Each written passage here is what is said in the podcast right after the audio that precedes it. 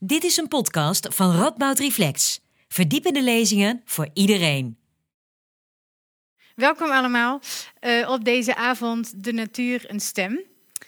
Deze avond wordt georganiseerd door Radboud Reflect samen met de Radboud Green Office en de faculteit Rechtsgeleerdheid. Uh, mijn naam is Indra Rumgens. Ik werk ook bij de Radboud bij politicologie. En vanavond ben ik hier in de rol als gespreksleider. Uh, we gaan het hebben over het geven van rechten en een politieke stem aan de natuur. En dat doen we door middels een, politiek, een uh, sorry, rechtsfilosofisch perspectief en een historisch perspectief. Zoals we allemaal weten, um, komt de natuur door menselijk ingrijpen op zijn zacht gezegd nog wel eens in de knel. Maar wat nou als we dus een berg of een rivier of een bos dezelfde rechten geven als een persoon? Dus dat de Waal dezelfde rechten heeft als ik heb.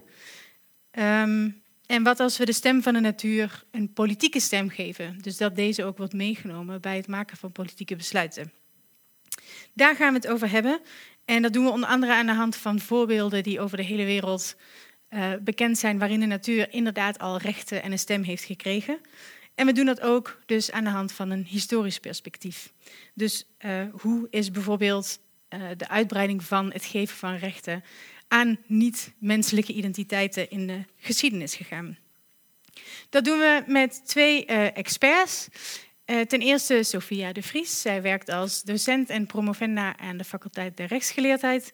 En haar promotieonderzoek gaat eigenlijk precies over deze vraag. Dus hoe kunnen we de natuur het beste beschermen en hoe zou het er dan uitzien als de natuur ook rechten zou hebben?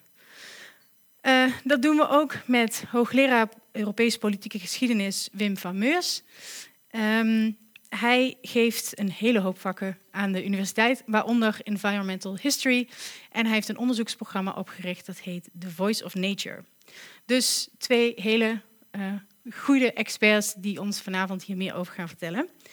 Um, met hen beginnen we ook. Zij geven allebei een korte lezing. En daarna gaan wij kort in gesprek hier. En dan is er ook nog een hele hoop ruimte voor jullie allemaal om vragen te stellen. Um, dan ga ik verder geen tijd meer in beslag nemen. Sophia, het is aan jou.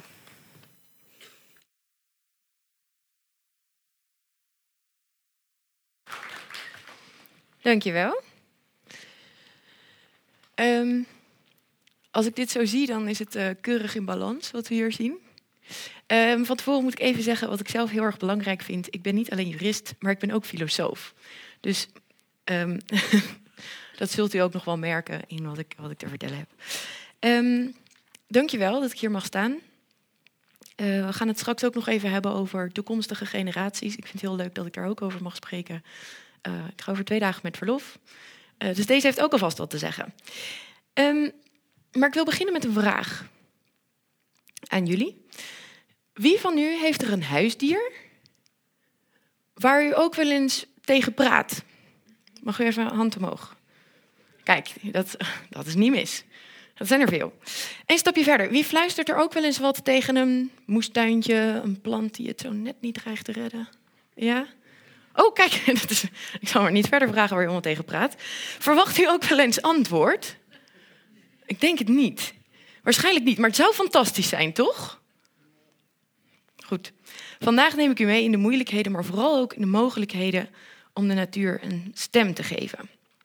Nou ga ik even kijken of de PowerPoint ook met mij mee wil werken. Kijk. Ja, het leuk hè, we beginnen met een plaatje. Um, dat ga ik doen aan de hand van, van drie vragen. Waarom willen we dit eigenlijk? Zijn er bezwaren? Ja, die zijn er eigenlijk altijd. Zijn er ook voordelen aan? Zijn er meestal ook, anders hebben we het er helemaal niet over.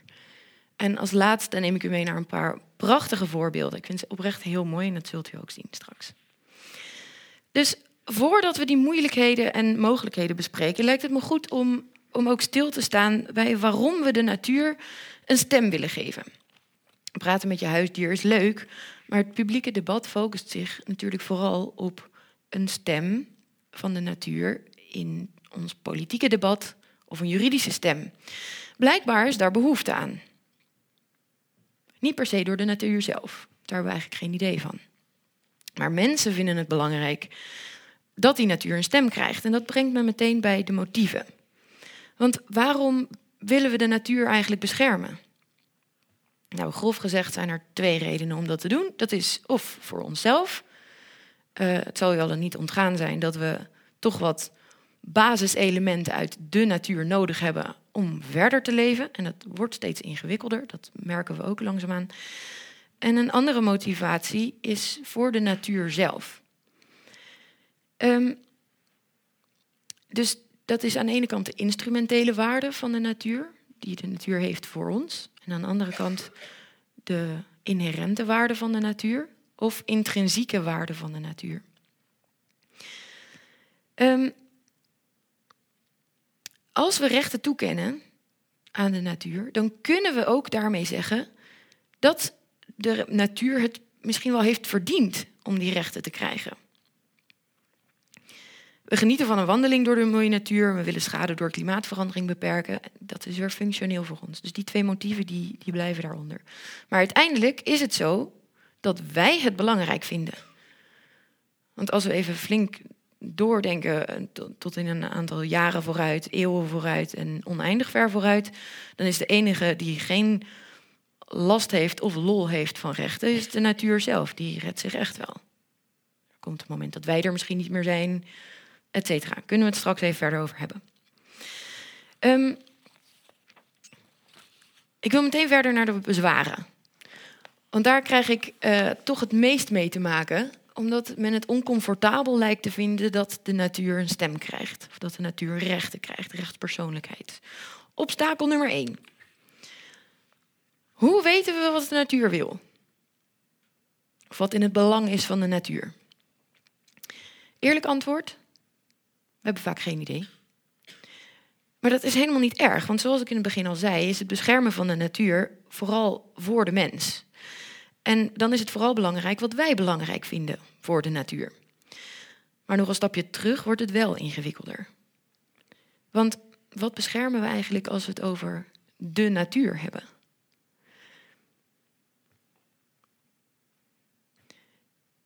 Horen wij daarbij?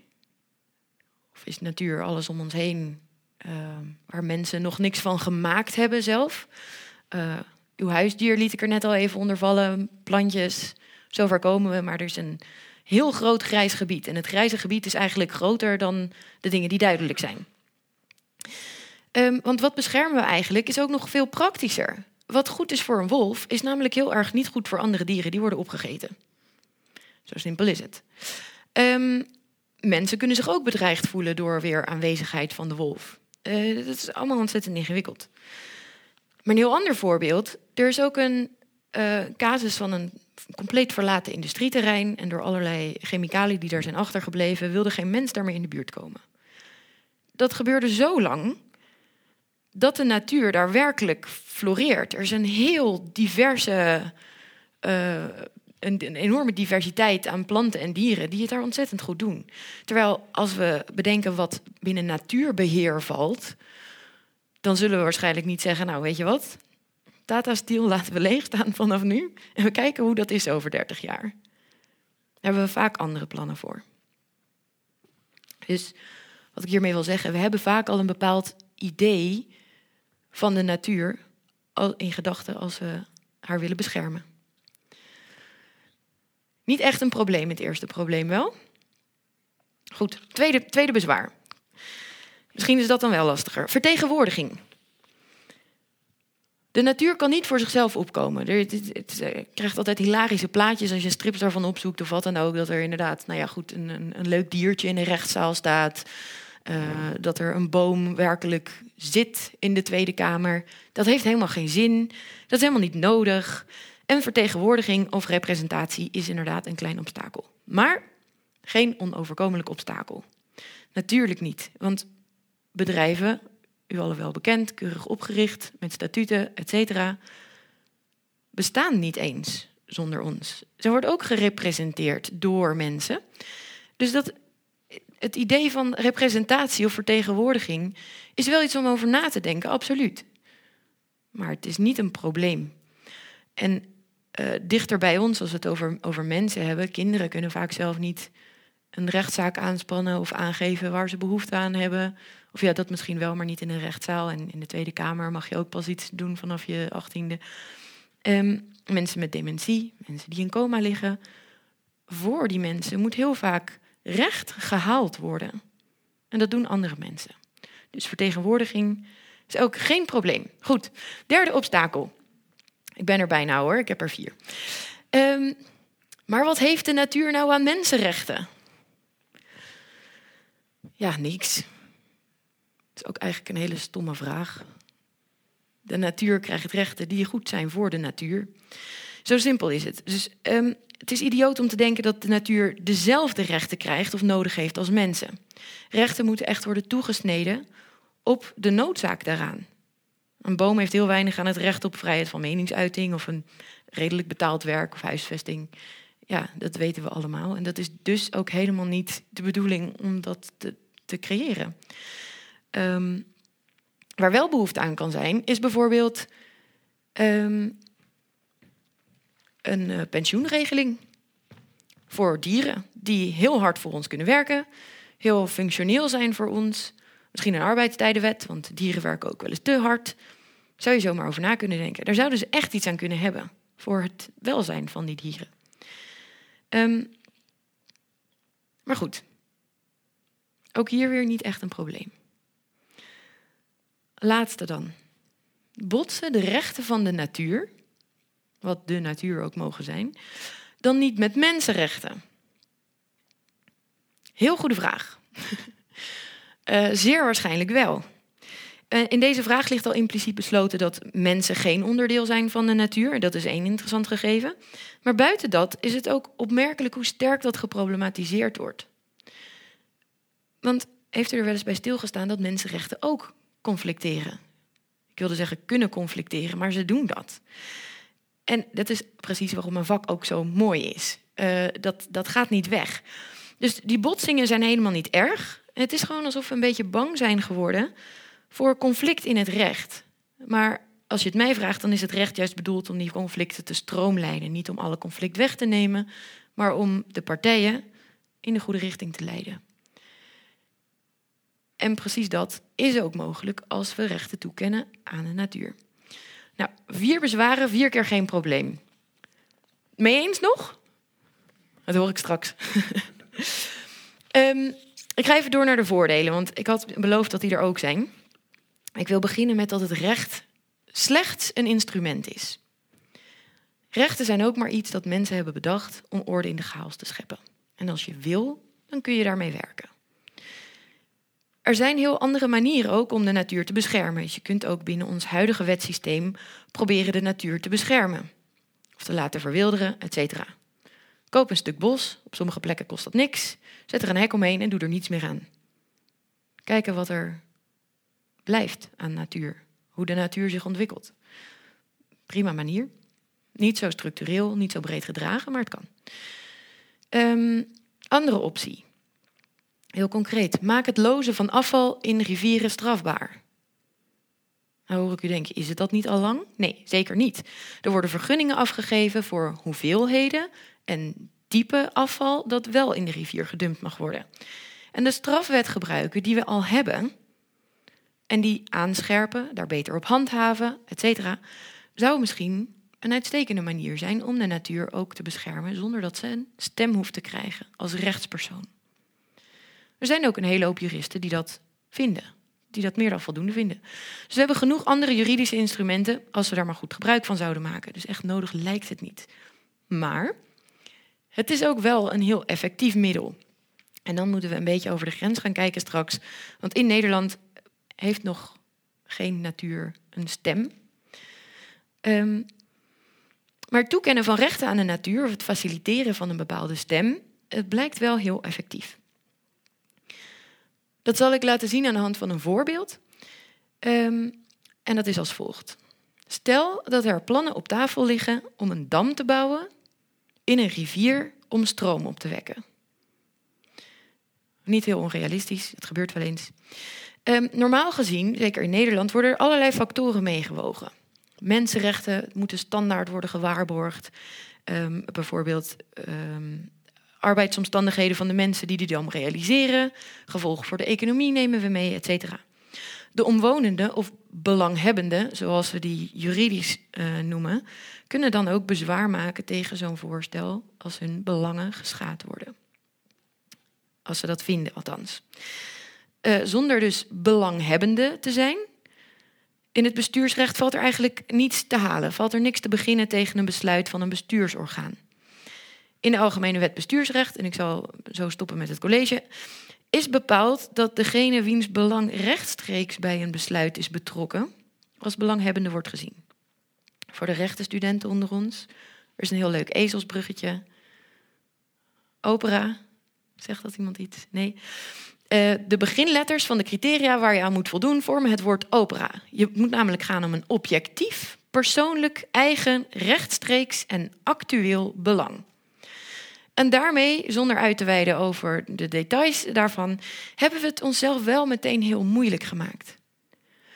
Omdat het belang actueel moet zijn, dus ofwel reeds gerealiseerd of in de nabije toekomst, met een aan zekerheid grenzende waarschijnlijkheid uh, te realiseren in de toekomst, kunnen we geen lange termijn doelen, plannen, angsten of belangen meenemen uh, bij dergelijke plannen om zo'n dam te bouwen. Dus het is heel erg gericht op je eigen stukje en nu. En daarnaast kunnen we in Nederland slechts ons eigen belang beschermen. Het is juridisch niet mogelijk om de belangen van iemand anders te beschermen.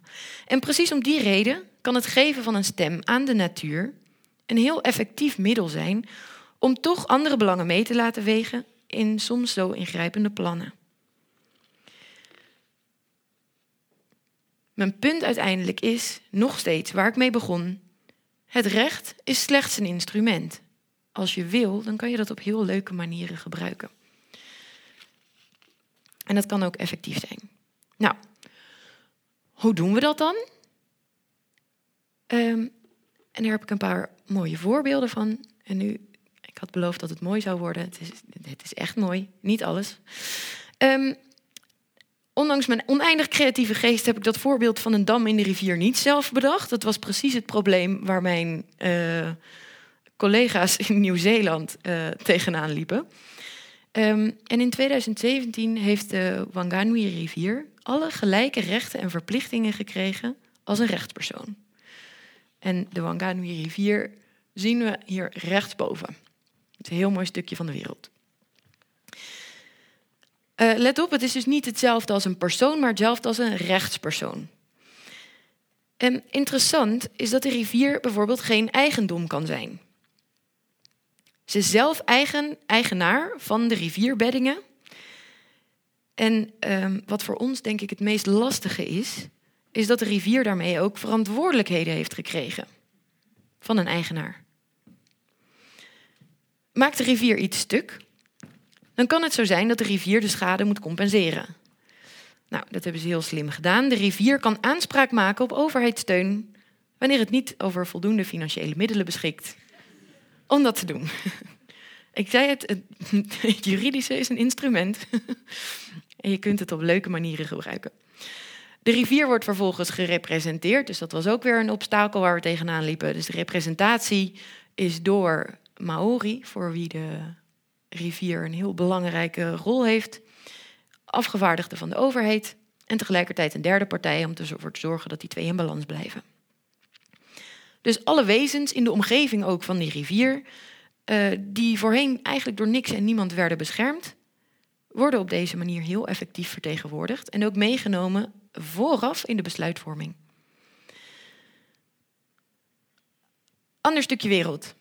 Pachamama staat in de grondwet van Ecuador. Pachamama betekent zoiets als moeder aarde, godin moeder aarde. En die uh, heeft het zover geschopt dat ze in de grondwet is gezet, in 2008 al, dus die waren ontzettend vroeg. Um, dus die andere manier om de natuur een juridische stem te geven, hebben ze daar gevonden in Ecuador. Daar is de natuur niet een rechtspersoon, maar is moeder aarde opgenomen in de constitutie. En dat wil zeggen dat de rechten van de godin moeder aarde altijd moeten worden meegewogen in besluitvorming. De natuur heeft bijvoorbeeld het recht om gewaardeerd te worden. Dat lijkt me heel mooi. Um, maar daarnaast ook om niet verstoord te worden en hersteld te worden. En iedereen kan opkomen voor de rechten van Pachamama. Er zijn al heel interessante zaken gevoerd ehm, daarover. Die laat ik nu even voor wat het is. Ehm, een klein stapje dichter bij huis uh, zijn de dode vissen. Ik had gezegd, niet alles is mooi.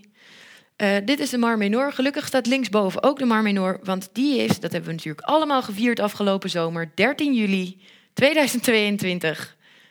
Eerste ecosysteem in Europa dat rechtspersoonlijkheid heeft gekregen. Het is erkend als juridische entiteit.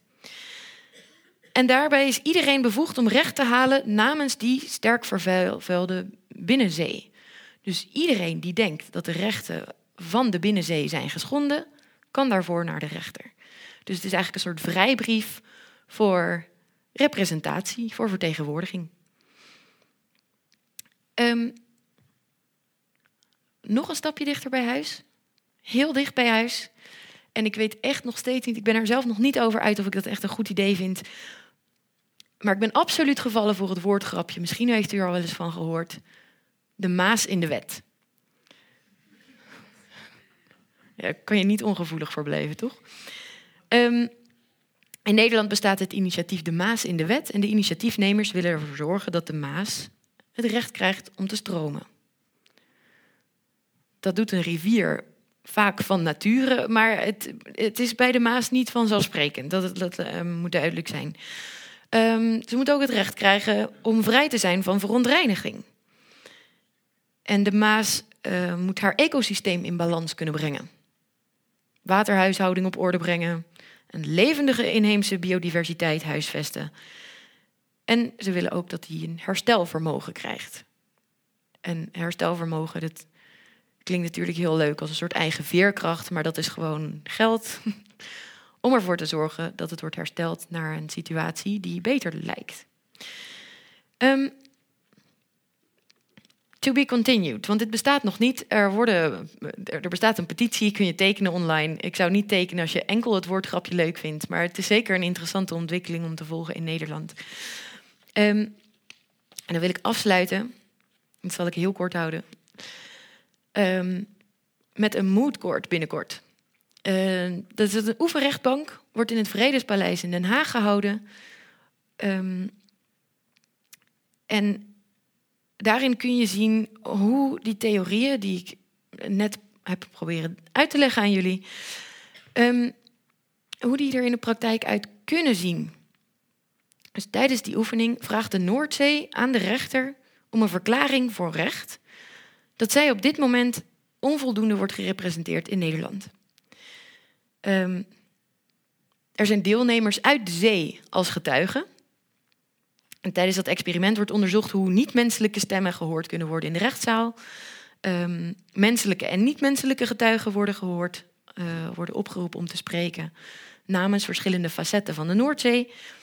En um, bij de verklaringen en getuigenissen van niet-mensen stellen we ons de vraag welke vorm die bijdrage kunnen krijgen. Is daar, is daar ruimte voor in ons recht? En jullie kennen mijn mening. Als je wil, dan is er ruimte, geen enkel probleem. Um, maar het leuke daaraan is dat het echt wordt uitgespeeld. En de Nederlandse rechter geeft een beschouwing op die gemaakte argumenten en op de manier waarop de aanklacht in die bestaande juridische praktijken vorm kan krijgen. Kort samengevat, het maakt uit of we de natuur beschermen omwille van onszelf of voor de natuur zelf. Een juridische stem geven aan de natuur kent wat hobbels, maar die hebben vooral te maken met waar we aan gewend zijn en waar we ons oncomfortabel of juist fijn bij voelen. Geen echte bezwaren dus. En tot slot, het recht is slechts een instrument. Dat je op echt op heel leuke manieren kunt inzetten als je maar graag genoeg wil. Dankjewel.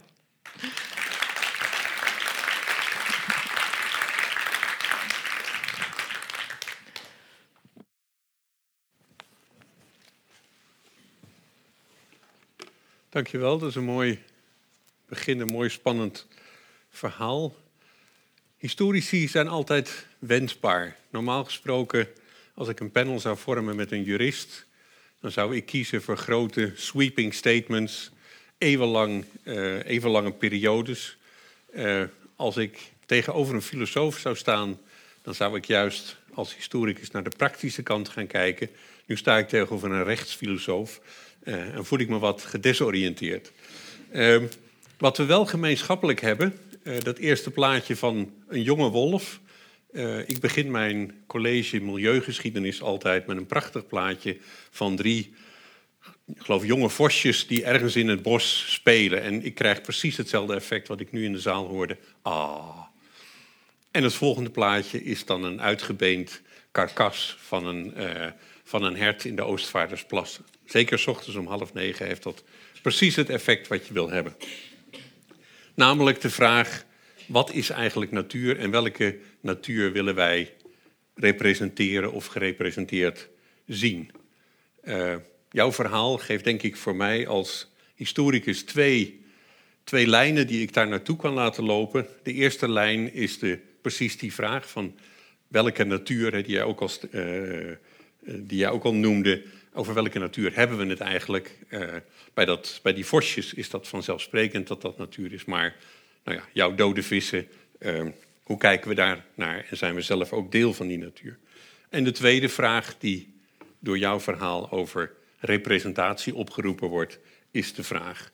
Uh, hoe denken we eigenlijk over representatie? En wat voor, wat voor nieuwe mogelijkheden liggen er? En de vraag die dan met mijn praktische kant daarachter ligt is dat echt meer oplossing uh, voor het probleem wat we al hebben. Ik zou me als historicus, om met, het eerste, met de eerste vraag uh, te beginnen, wat is eigenlijk natuur? Um, en het, ik vind het altijd al op zich al veelzeggend uh, dat we worstelen. We kunnen het begrip natuur heel generiek gebruiken, maar we worstelen voortdurend met: is het nu milieu? Gaat het over klimaat? Gaat het over natuur? Welke term gebruiken we precies? Um, je zou dat op verschillende manieren terug kunnen laten gaan in de geschiedenis. En de, de eerste manier, uh, die nu heel uh, recent is, is het hele concept van antropoceen. De tijd waarin de mens een doorslaggevende invloed begint uit te oefenen op de natuur. Uh, er zijn mensen die zeggen dat dat begon, nou, misschien na de Tweede Wereldoorlog, of begon echt om te slaan uh, in de jaren 70. Anderen zeggen misschien met de industriële revolutie al. En er zijn weer anderen die zeggen eigenlijk uh, moet, je, moet je constateren dat vanaf de Romeinen zijn wij bezig op fundamentele manier de natuur te veranderen. Zover wil ik niet teruggaan in maximaal 20 minuten. Um, maar wel, en dat is denk ik ook een lijntje naar jouw verhaal, het eerste begin van natuurbescherming. Van mensen die begonnen te zien in de 19e eeuw dat wij de natuur uh, aan het veranderen waren. En die begonnen om stukken natuur als met de klassieke naam natuurmonumenten apart te zetten. En dat was niet bedoeld voor de hele natuur, maar dat was juist bedoeld, als je kijkt naar de Amerikaanse parken of naar de Eifel in Duitsland, bijzondere natuurlandschappen, die in elk geval bewaard hoefde te worden. Je hoefde niet de hele natuur, hoe ook gedefinieerd, te bewaren, maar bepaalde ja, monumenten moest je eigenlijk laten staan. Dus dat zou een, een, een vraag aan jou zijn als je een, een rivier, eh, ik neem aan een bijzondere rivier in Nieuw-Zeeland, een uh, rechtspersoon geeft, zit je dan eigenlijk niet weer in uh, die natuurbescherming laat 19e eeuw. Kleine eerste provocatie. Er is natuurlijk een tweede een tweede lijn, maar dat hele vraagstuk hoe gaan wij om met de natuur en de verhouding tussen mens en natuur, uh, die eigenlijk al veel vroeger begint, namelijk op het moment dat de mens constateert dat ze zijn eigen uh, grondstoffen aan het opgebruiken is. Of dat nu de bison in Amerika is of de, de walvisvaart uh, rond 1900, um, of nog specifieker de constatering dat bepaalde diersoorten uitsterven. En we denken dan onmiddellijk allemaal aan de dodo, maar er zijn er natuurlijk veel meer. Dat besef dat er iets wezenlijks verandert, um, gaat ook vrij ver terug in de geschiedenis. Um, ik heb me laten vertellen dat in de 17e eeuw al de haringvangst al gereguleerd werd om te voorkomen dat er uh, overbevissing zou plaatsvinden. Um, dus daar begint de mens, wat jij ook noemde, uit eigen economische motieven uh, aan duurzaamheid uh, te doen. Dat zou je kunnen neerzetten als het eerste begin van natuurbescherming of het reguleren van de omgang met de natuur. En ik wil daar één voetnoot bij plaatsen dat ehm, het niet altijd zo is dat uh, de goedgezinde, vaak destijds notarissen en advocaten die het belangrijk vonden om de natuur te beschermen. Maar er zijn ook andere regimes dan hele liberale regimes die best investeren in natuurbescherming. Een van de strengste wetten over bescherming van dieren is in het nationaal socialisme ingericht. Communistische landen waren er vaak als eerste bij om ook natuurparken in te richten. Uh, dus niet iedereen die de natuur beschermt is per se een good guy.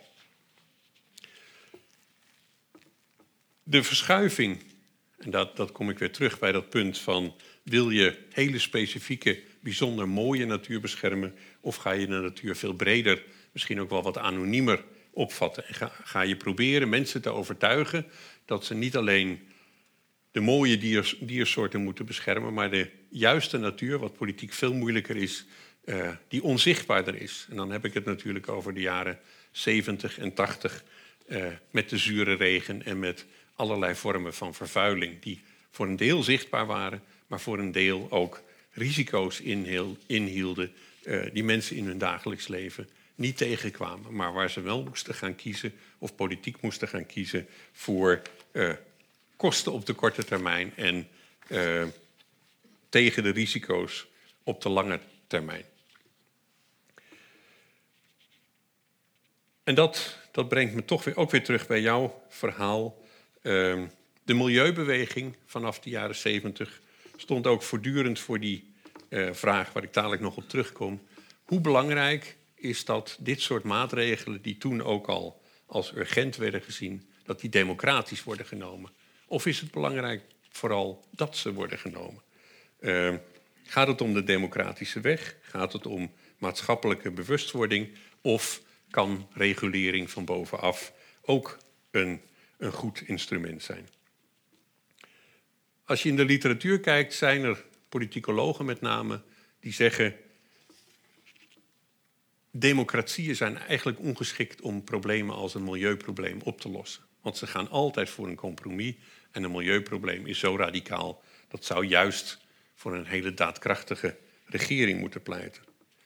Er zijn andere, iets optimistischere politicologen die zeggen. omdat het milieubelang een evident algemeen belang is, zou elke, uh, eigen, eigenlijk elke democratie zou een groene democratie moeten zijn. Is natuurlijk nog even de vraag hoe groen en wat voor groen. Uh, maar dat is nog weer een, uh, een vervolgvraag. Ik denk dat je kunt zeggen, de huidige beweging, de klimaatbeweging, dat die misschien voor een deel juist probeert buitenparlementair te zijn als een tegenwicht tegen de, de groene milieubeweging, die zo onderdeel van het parlementaire stelsel en misschien daarmee ook wel van uh, de democratische weg die te langzaam en niet radicaal genoeg is, is geworden.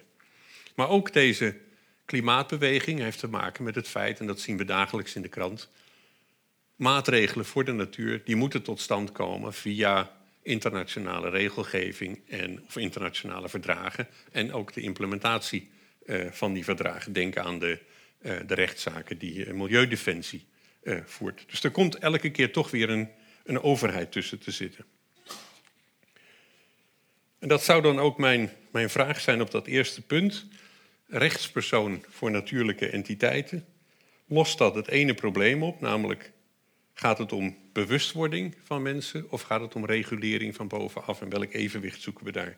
En de tweede vraag, meer politieke vraag, streven we naar een politieke consensus of is het belangrijk dat er op centraal niveau gereguleerd uh, wordt en gaat het om uh, zulke dringende zaken dat ze niet kunnen wachten op een compromis en op een consensusvorming.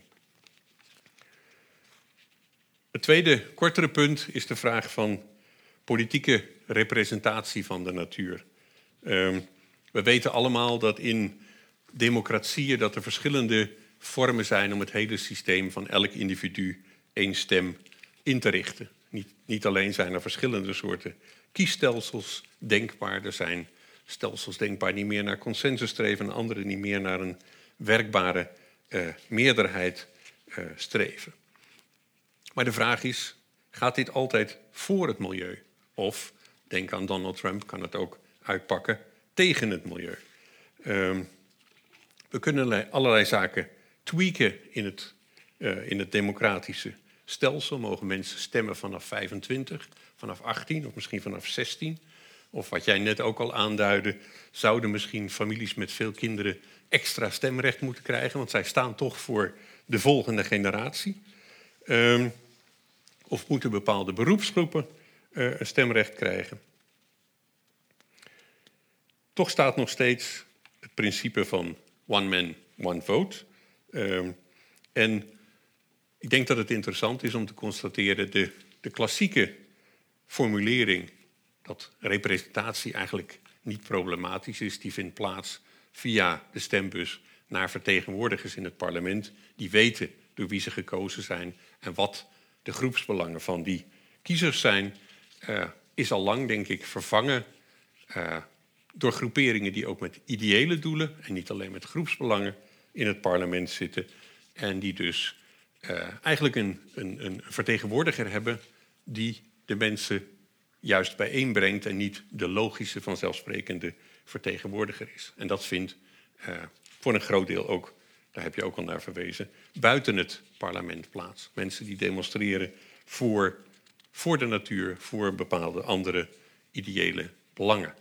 Uh, je kunt je natuurlijk wel afvragen, als je die Pandora's box openmaakt en zegt, er kunnen van andere entiteiten, kan stemrecht gevraagd worden, dan zijn er natuurlijk veel meer mogelijkheden dan alleen maar voor de natuur.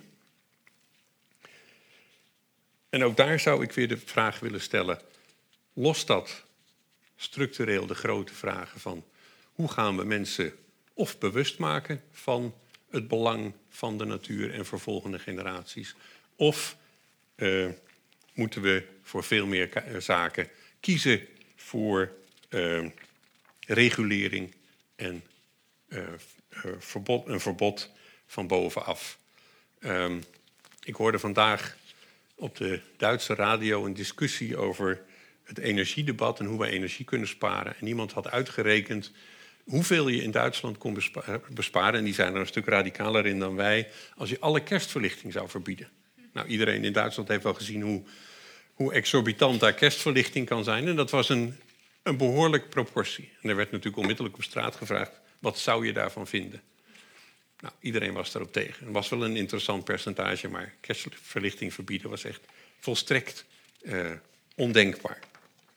Dus ik weet niet of je dat oplost door de natuur uh, rechtspersoon uh, te geven. Ik moest er ook even bij jouw verhaal aan denken. mensen moeten dan spreken voor de natuur. en dat deed mij denken aan het, het voorbeeld van de Oostvaardersplassen waar veel mensen zijn die voor de Oostvaardersplassen willen, eh, willen spreken. Maar de een wil daar een primitieve natuur, de andere wil dat, nou, dat uitgemergelde paard, dat dat er niet meer komt.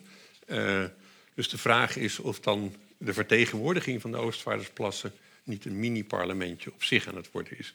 Maar dat is een vraag die jij beter kunt beantwoorden dan ik. Dank u wel.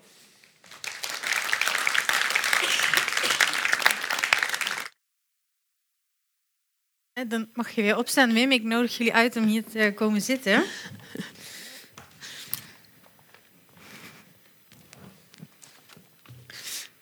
Ja, dank jullie wel voor de interessante lezingen. Um, ik dacht, misschien kunnen we beginnen met de vraag die jij eigenlijk stelde. Uh, als we het dus hebben over recht te geven aan de natuur, wat de natuur dan ook is, uh, of een politieke stem. Is het dan handig om dat te doen in een democratie? Of kunnen we dan eigenlijk beter een soort groene dictator aan, aan de macht hebben? Uh, is dat iets waar jij ook over na hebt gedacht? Of, of uh, nog niet? Ga je dat niet ja, hardop ja, ja, doen? Nee, absoluut. Ik zou graag een groene dictator zijn ook. um, maar Mijn stem heb je, maar die heb je dan niet hoor. Kijk, ja. dat is één. Um, nee, dat is, dat is hartstikke ingewikkeld. Want we begonnen allebei met de vraag... wat is de natuur eigenlijk? En wat voor stem willen we daaraan geven? Ja, zolang we daar niet uit zijn, zijn er heel veel mensen die daar heel anders over denken. En omdat nog steeds mensen de wetten bepalen, mensen de vertegenwoordiging doen, uh, hebben we inderdaad een Oostvaardersplassenparlement. Misschien is het er gewoon een schaduwdemocratie uh, daar. Lijkt me heel interessant. En ken jij voorbeelden, Wim, waar daar een soort van oplossing voor gevonden is in de geschiedenis? Of in Nederland of daarbuiten? Uh, nou ja, je kunt, je kunt wel uh, bijvoorbeeld uh, zeggen, dat, dat wil ik zeker niet als model bepleiten, maar als je ziet, tien jaar geleden werd voortdurend gezegd, China is opkomende macht, consumentisme in China, dat is de grootste bedreiging voor het milieu. En nu zie je in elk geval op een aantal terreinen, voor zover ik dat in beeld heb, dat op het moment dat de, de autoritaire Chinese regering daar maatregelen gaat nemen, omdat ze zien dat er in het eigen land op natuurgebied dingen fout gaan, uh, dan doen ze dat op zijn minst heel effectief. Valt van alles op af te dingen, maar. Ja, precies. We bepleiten niet per se dat model. Nee, ja, nee. oké. Okay. Um, okay, dus, dus democratie willen we niet per se vanaf, maar of het per se het handigst is om rechten van natuur uh, te bewerkstelligen en te beschermen, is de vraag. Nou, vooral om, om de natuur te beschermen Kijk, voor de meeste mensen is, het, is natuurbescherming belangrijk op het moment dat het ze raakt in negatieve zin, als we dat niet doen. Uh, en, en voor veel uh, activisten in deze hoek is dat veel te laat. Dus wat dat betreft klopt het wel. Zou iedere democratie uiteindelijk een, een groene democratie zijn, maar niet met, het, met hetzelfde tempo en het, het, het soort groen uh, is dan misschien heel anders dan wat die activisten nu voor ogen hebben. Mm -hmm. ja. En iets wat ik me ook afvroeg en waar jullie beiden een beetje aan raakten was. Um, uh, de rivier, de Maas bijvoorbeeld, gaat over een aantal grenzen. Mm -hmm. Wat dat betreft heeft Nieuw-Zeeland natuurlijk best wel makkelijk praten als eiland. Um, maar als je dan nadenkt over Europese rivieren, dan hebben we dus niet te maken met één democratie, maar met meerdere. Um, van hoe ga je daar dan mee om? Als je de, bijvoorbeeld de Maas uh, of de Waal of de Rijn zou willen, recht zou willen geven. Want wij kunnen dat dan wel doen in het stukje Nederland, maar als Frankrijk alle afval loost uh, in, in, in de Maas, dan hebben wij nog steeds een probleem. Ja, klopt. Um, en op dit moment wordt dat opgelost door diplomatieke verhoudingen. dat is waarom we regels hebben hoeveel er geloosd mag worden, want anders blijft er voor Nederland niks meer over om te lozen. Dat is eigenlijk de, uh, de gedachte erachter. Maar ik kan me goed voorstellen, als de, als de rivier Nederland een rechtspersoon is, dan begint dat gewoon bij de grens. Over alles daarbuiten hebben we nou helemaal niks te zeggen. En als rechtspersoon kan je onrecht worden aangedaan. Ja, dat is gewoon zo. Als je wordt aangereden door een Franse automobilist, dan kun je daar ook iets tegen doen. Als je wordt beroofd door, een, door iemand uit Duitsland, dan kun je daar ook iets tegen. Zo ingewikkeld is het dan ook weer niet. Okay. Dan zie ik een rechtszaak voor me. De Nederlandse Maas klaagt de Franse Maas aan. Ja, zou, zou de Maas vervuild worden door de Maas? Of? Ja, waar de Franse Maas dat verhaalt, is dan een tweede. maar is er dan een rol bijvoorbeeld voor het Europese Hof? Uh, ongetwijfeld. En daar heb ik mijzelf niet zo in verdiept. Ja. Dus daar, daar kan ik geen antwoord op geven vandaag. Um, een andere vraag die, die ik had, jullie komen allemaal zo aan de beurt. Um, een andere vraag die ik had gaat over, jij noemde op een gegeven moment de, de rivier in Nieuw-Zeeland, ik ben de naam vergeten, um, die heeft de rechten en plichten gekregen van een rechtspersoon. En toen dacht ik, oké, wat betekenen die plichten dan? Van, zijn er ook bepaalde dingen die de rivier dan niet meer mag? Um, als het dan zeg maar buiten de oevers treedt en ik woon vlak bij de Maas. Dus stel dat mijn huis overstroomt, kan ik dan recht gaan halen ergens bij de Maas? Uh, of is er dan ook een vorm van beperkte aansprakelijkheid of iets dergelijks? Ja, zoals ze dat. Het is de Wanganui-rivier. Ik snap dat je dat niet in één keer. dat het je niet meteen bijblijft. Um, die rivier heeft inderdaad de rechten en plichten gekregen. Dat is helemaal niet evident. Niet tegenover ieder recht staat ook een plicht, maar heel vaak wel. En daar hebben ze dat toevallig zo ingericht. Nu is het wel zo dat de rivier daar eigenaar is van ook de rivierbeddingen. Um, dus er is al een, het is al een stukje breder. En ehm, dat, dat zit zo in elkaar dat de, de oevers, die zijn ehm, van de rivier en een stukje daarbuiten is van de staat, gewoon van de overheid. Op het moment, die rivier die blijft niet keurig recht lopen, dat doen rivieren niet. Dus op het moment dat hij een beetje de ene kant op gaat, dan hapt hij een stukje meer oever erbij. En dan wordt het andere stukje teruggegeven aan, uh, aan de Nieuw-Zeelandse overheid. Dus die ruimte heeft die rivier daar. Maar wat ik al zei, als de rivier iets stuk maakt, dan moet het ook schadevergoeding betalen. Dus inderdaad, als je huis wordt weggevaagd door de Maas, dan krijg je schadevergoeding door de rivier. Uh, zoals je dat ook van mij kunt krijgen als ik je huis stuk maak. Alleen de rivier zelf heeft weinig middelen. Dus wat ze in Nieuw-Zeeland heel handig hadden gedaan is. Dan krijg je overheidssteun. overheidssteun om dat te doen. Ja, precies. Ja, voor alles is een oplossing. Ja, dat is wel het motto van vanavond. Um, Oké, mijn, mijn laatste vraag dan. En dat is een iets bredere vraag. Maar als ik jullie beiden hoor, zowel over, uh, over geschiedenis als rechtsfilosofisch perspectief. en de verschillende bewegingen die er zijn en zijn geweest. dan denk ik, oké, de manier waarop dan een claim. nee, niet een claim, maar niet, waarop na wordt gedacht over natuur. is niet altijd per se in lijn met hoe wij onze economie hebben ingericht. Dus vanuit ons economisch denken, ik bedoel dus als, als maatschappij, denken wij graag over dat je stukjes land kan verdelen en kan kopen en kan verhandelen. Uh, dat je een vergunning aanvraagt voor, voor vervuiling, dat je dat ook weer kan afkopen. Um, maar de, de, de, de materie waar we het hier over hebben lijkt minder te gaan over hoe je iets uitdrukt in geld.